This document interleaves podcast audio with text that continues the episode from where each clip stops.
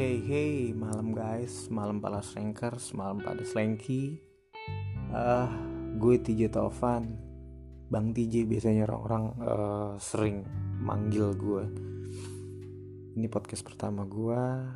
Rencananya dalam podcast pertama ini uh, kita bakal nonjolin lagi seberapa besar kekuatan kelemahan peluang ancaman gue dalam menjalani uh, proses recovery gue proses pemulihan gue terhadap uh, gangguan penyalahgunaan zat yang selama ini gue lewati dan gue berharap sih uh, dengan adanya cerita-cerita dari dari gue dengan adanya cerita-cerita dari Ica bisa jadi satu merubah pandangan lagi turning point buat teman-teman semua dalam menjalani uh, kehidupan yang lebih baik ke depannya saat kita sudah mengetahui dengan baik seberapa presentasi kekuatan, kelemahan, opportunity kita untuk kedamaiannya dan juga ancaman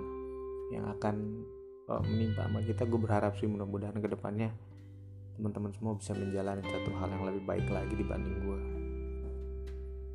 Dan gue percaya sih uh, ketika sharing akan jadi satu kekuatan sendiri buat gue akan jadi satu motivasi sendiri sih buat gue juga biar jalan hari ke depannya lebih baik lagi.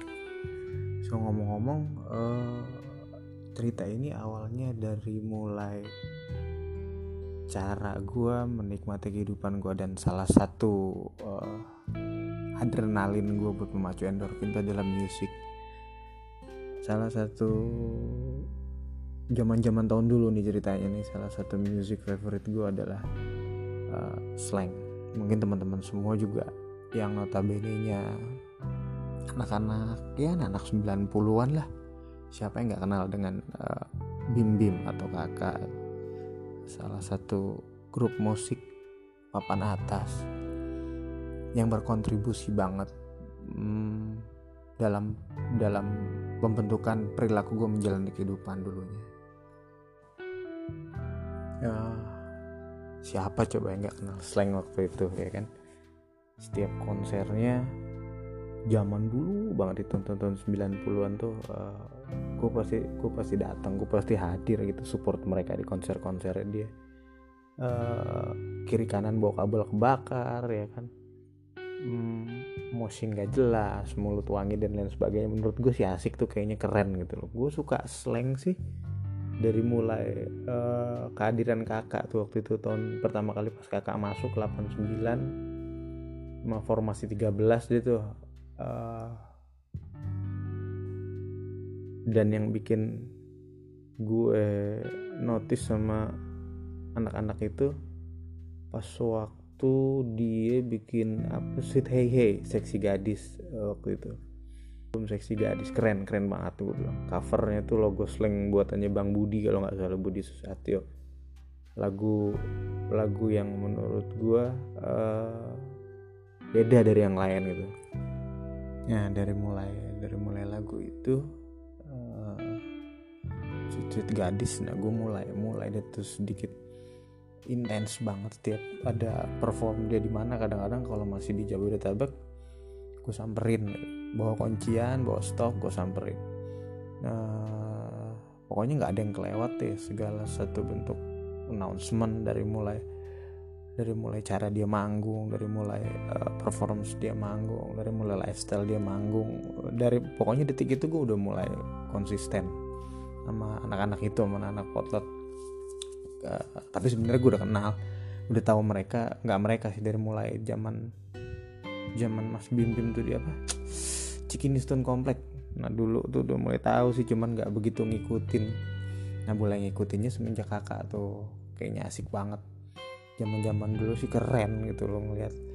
Uh, tatoan kurus uh, gimbal-gimbal gimana gitu terus uh, menaspirasikan apa feeling gue yang ada di feeling gue jadi sebuah uh, music di mereka. Menurut gue sih cool man sadis parah itu mah.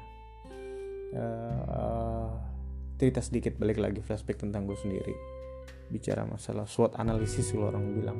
Salah satu kekuatan gue buat buat bisa menjalani hidup dengan pressure yang banyak dulu di tahun-tahun 90-an tuh ya ya musik mereka uh, which is itu negatif atau positif gue nggak tahu deh uh, gue sedikit cerita bahwa gue ini edik gitu loh. Gue ini seorang seorang kalau sekarang sih recovering edik ya. Kalau bicara masalah zaman zaman negara api dulu eh, orang-orang sering bilang gue pecandu.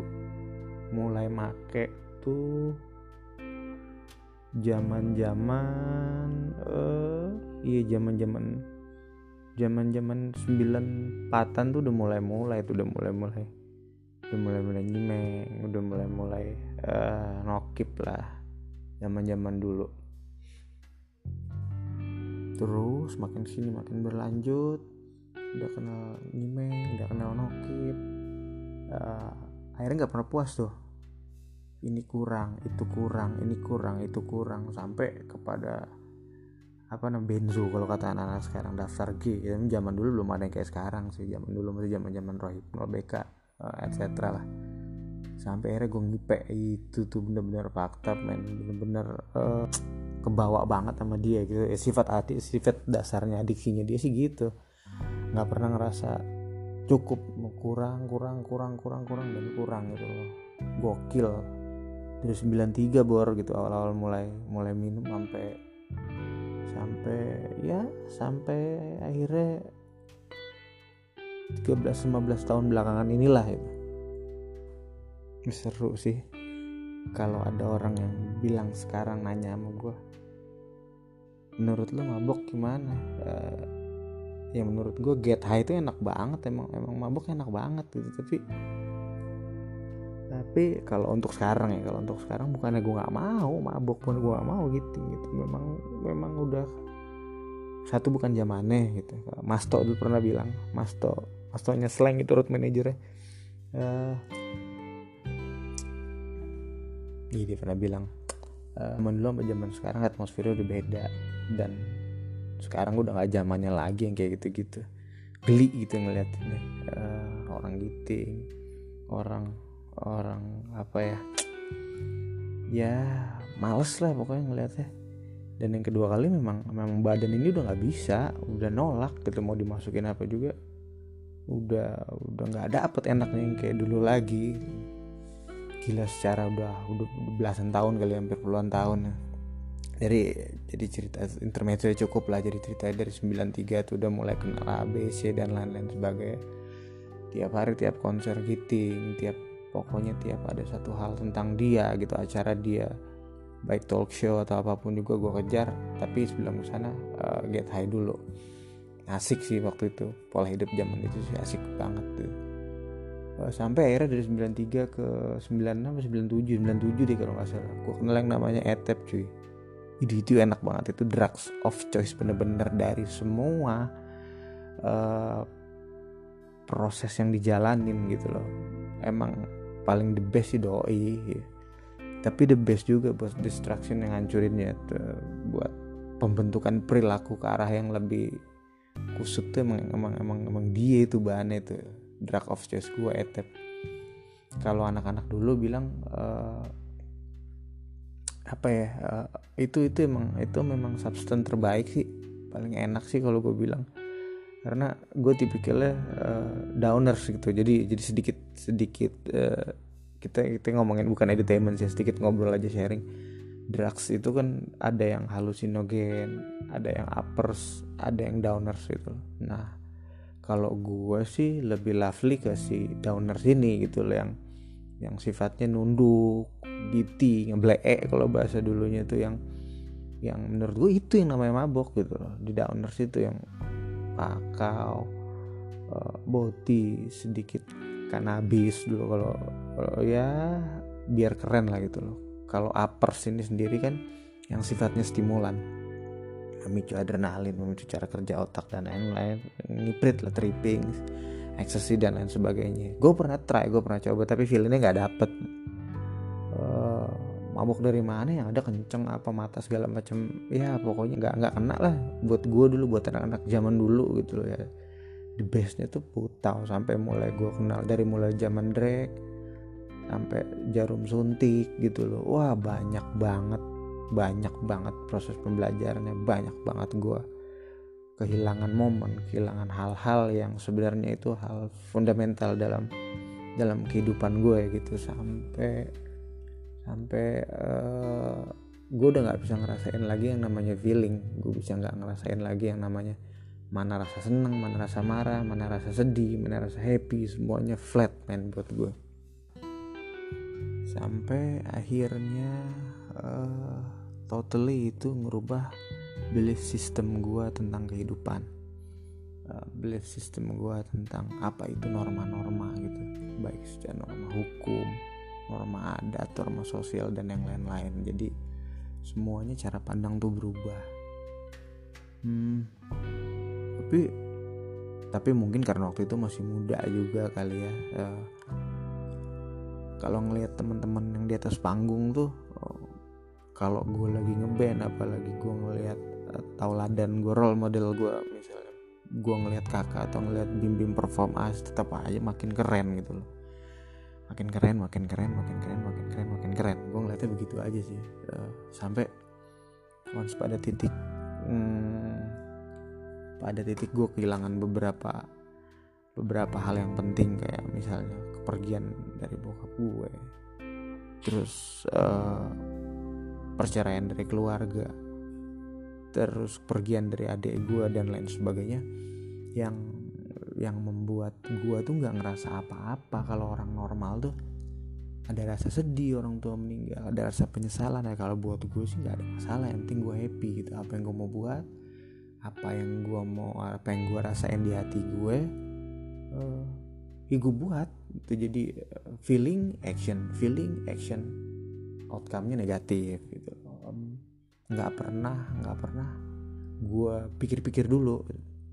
Ya under substance lah. Memang selalu begitu gitu. Jadi buat pembelajaran juga buat teman-teman saat lo masih menggunakan drugs atau apa pun juga itu saat lo under substance lo punya kognitif sih nggak bakalan bisa jalan bor.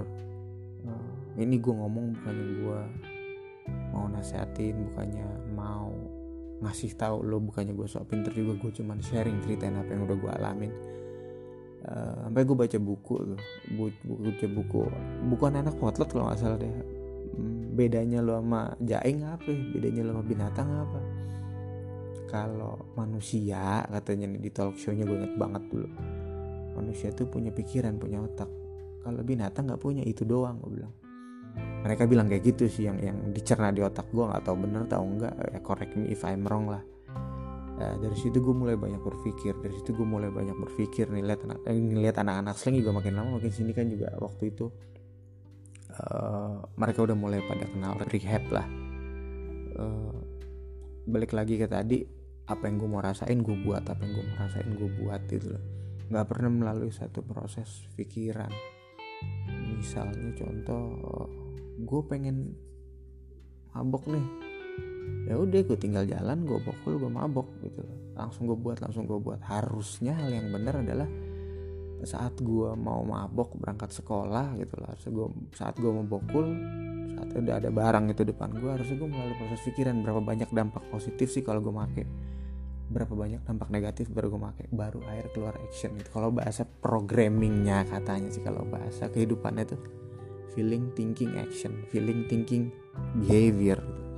Apa yang gue rasa uh, langsung gue buat nggak melalui apa feeling nggak melalui thinking lagi. Jadi feeling action feeling action feeling action. Itu uh, this, this a different uh, addict dengan normal people gitu antara orang biasa dan manusia normal ya kadang-kadang orang normal pun seperti itu gitu gue nggak gue nggak gue nggak ini juga teman kadang-kadang buat buat seorang uh, candu hmm, biasanya cara dia berpikir, cara dia bersikap, cara dia berperilaku ya ya begitu gitu. Lebih lebih mengedepankan uh, orang bilang apa ya?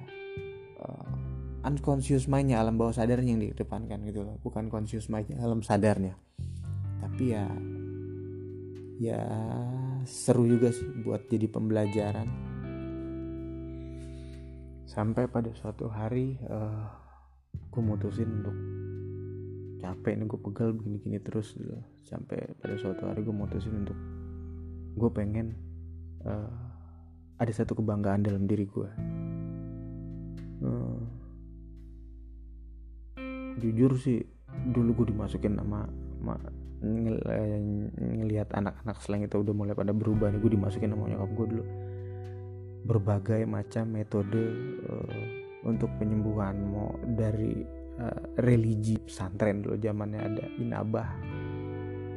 Sampai gue masuk ke pesantren sampai juga pesantren dengan metode lain metode dirantai apa segala macam tapi anehnya itu nggak buat gue jadi lebih baik sih. Karena nggak ada nggak ada uh, hanstinya yang dari gue untuk bener-bener ngerubah ke arah uh, yang lebih baik lagi. Emang nggak ada juga dulu. Sampai akhirnya gue kenal sama program terapi komunitas dulu. Uh, yang katanya sih logonya setiap orang bisa berubah. Kelompok membantu untuk sebuah perubahan gitu loh. Tetep ya gitu lagi ke program lain lagi narkotik anonymous uh, coba untuk uh, dari dalam diri. Jadi setelah tadi melalui program-program uh, eksternal dari luar program religi tadi program TC tadi program uh, eh, EE tadi nah itu kan semuanya dari eksternal ngepus gue untuk merubah perilaku gue sekarang terus kemudian nah, masuk lagi beberapa rehab lagi uh, katanya sih dari dari diri gue sendiri harus ngerubah gitu. Di NE itu gue kenal. Uh, langkah gue yang pertama adalah gue ngakuin bahwa gue nggak berdaya terhadap adiksi sehingga hidup gue jadi nggak kendali gitu. Sama gue gue ganti sih eh, gue nggak berdaya terhadap emosi sebenarnya. Eh, menyebabkan hidup gue nggak jadi nggak terkendali. Nah itu itu uh, awal rancangan rawatan buat diri gue sendiri gue buat awalnya dari situ gitu. Ya nggak sembuh sembuh banget juga sih masih on off on off on off on off. Sampai once pada suatu hari uh, gue ada di titik jenuh. Udah banyak banget ketertinggalan yang yang yang gue rasain. Sampai gue melek gue buka mata gue lihat udah bukan gue gitu loh. Uh, gue berhenti berapa belas tahun yang lalu sih baru 12 11 ya sekitar segitulah gue berhenti bukan dari program bukan dari uh, apa ya bukan dari arahan orang bukan dari sisi agama juga gue berhenti dari diri gue sendiri gitu saat gue ngerasa gue gak ada lagi yang dibanggain dalam diri gue hmm. dari situ gue mulai ngebangun lagi dan lama bor. Ya nggak prosesnya tuh mesti keluar masuk penjara juga. Prosesnya tuh mesti kehilangan anak gue kehilangan beberapa hal yang paling fundamental dalam diri lo gitu loh. Ya tapi seru sih uh, eh, gue grateful gue bersyukur dengan apa yang udah gue alamin sekarang. Seneng ngeliat anak-anak anak-anak slang juga jadi motivasi sih. Mereka udah pada sembuh mereka udah pada gemuk lagi gitu. Zaman dulu um, ada bongki ada pai dulu pernah jadi personal slang. Juga pernah nyiptain lagu bip tuh aku gemuk lagi. Nah itu cocok lah buat anak-anak mereka buat potlat 13 uh, get up stand up lah dan give up the fight nanti. Sampai kapan pun juga sampai akhir ajal kita sebagai seorang rapper edik. Ya berat memang jalanin kehidupannya karena ya pemulihan itu sampai seumur hidup. gitu. Hmm, tapi ya menurut gue pemulihan itu simple sih orang bilang adalah pemulihan begini begitu begini. Kalau menurut gue simple recovery is response and ability gitu tanggung jawab respon dan ability. Sejauh mana respon lu dan sejauh mana kemampuan lu untuk nyikapin uh, tadi kelemahan lo, kekuatan lo, peluang lo dan ancaman lo ke depan. Itu aja sih uh, sesi ini kayaknya cukup segitu ya ngobrol-ngobrolnya, sharingnya. Seneng sih bisa berbagi sama teman-teman. So tetap semangat buat yang di luar sana yang masih user juga, yang masih under substance tetap semangat bisa kok. You can do it but you cannot do it alone gitu loh. Lo bisa buat tapi lo nggak bisa buat sendiri. Lo coba datang get back ke komunitas. Sekarang ada di Instagram tuh lo coba uh, add that Padepokan Recovery Slankers. Nah situ banyak side-side positif. Buat lu juga temen-temen yang dapat beberapa gift dari hasil pemakaian lo. Baik itu dari segi medis baik itu dari segi uh, dapat bonus dari medis atau dapat bonus dari kehilangan orang-orang tertentu. Jangan takut brother. Uh, pemulihan ini nggak cuma sampai sini sampai kita nanti menutup mata kita tuh bakal kita jalanin terus. Makin banyak pressure makin seru ngadepinnya gitu ya coba maafin diri sendiri untuk arah lebih baik lagi uh, biar biar saat menjalani kehidupan saat gak punya rasa salah lo akan ngejalaninnya dengan dengan sepenuh hati gitu loh. Jangan jangan pernah lihat masa lalu lagi maafin semuanya. Ya maafin gak usah maafin orang-orang dulu lah. Uh, forgiveness is not we do for other people. We do for ourselves dulu aja buat get well and move on ceritanya oke thank you semua udah mau dengerin gue ngobrol. So berharap ke depannya kita ketemu lagi di sesi yang lain. Gue berharap juga teman-teman semua bisa menginventaris diri seberapa banyak persentase kekuatan kalian kelemahan kalian opportunity kalian dan ancaman kalian. Uh, saat kalian mengetahui itu semua mungkin sedikit-sedikit kalian akan nemuin jati diri dan akan menjadi lebih baik lagi. Thanks guys, salam recovery. Bye. Peace, love, unity, and respect.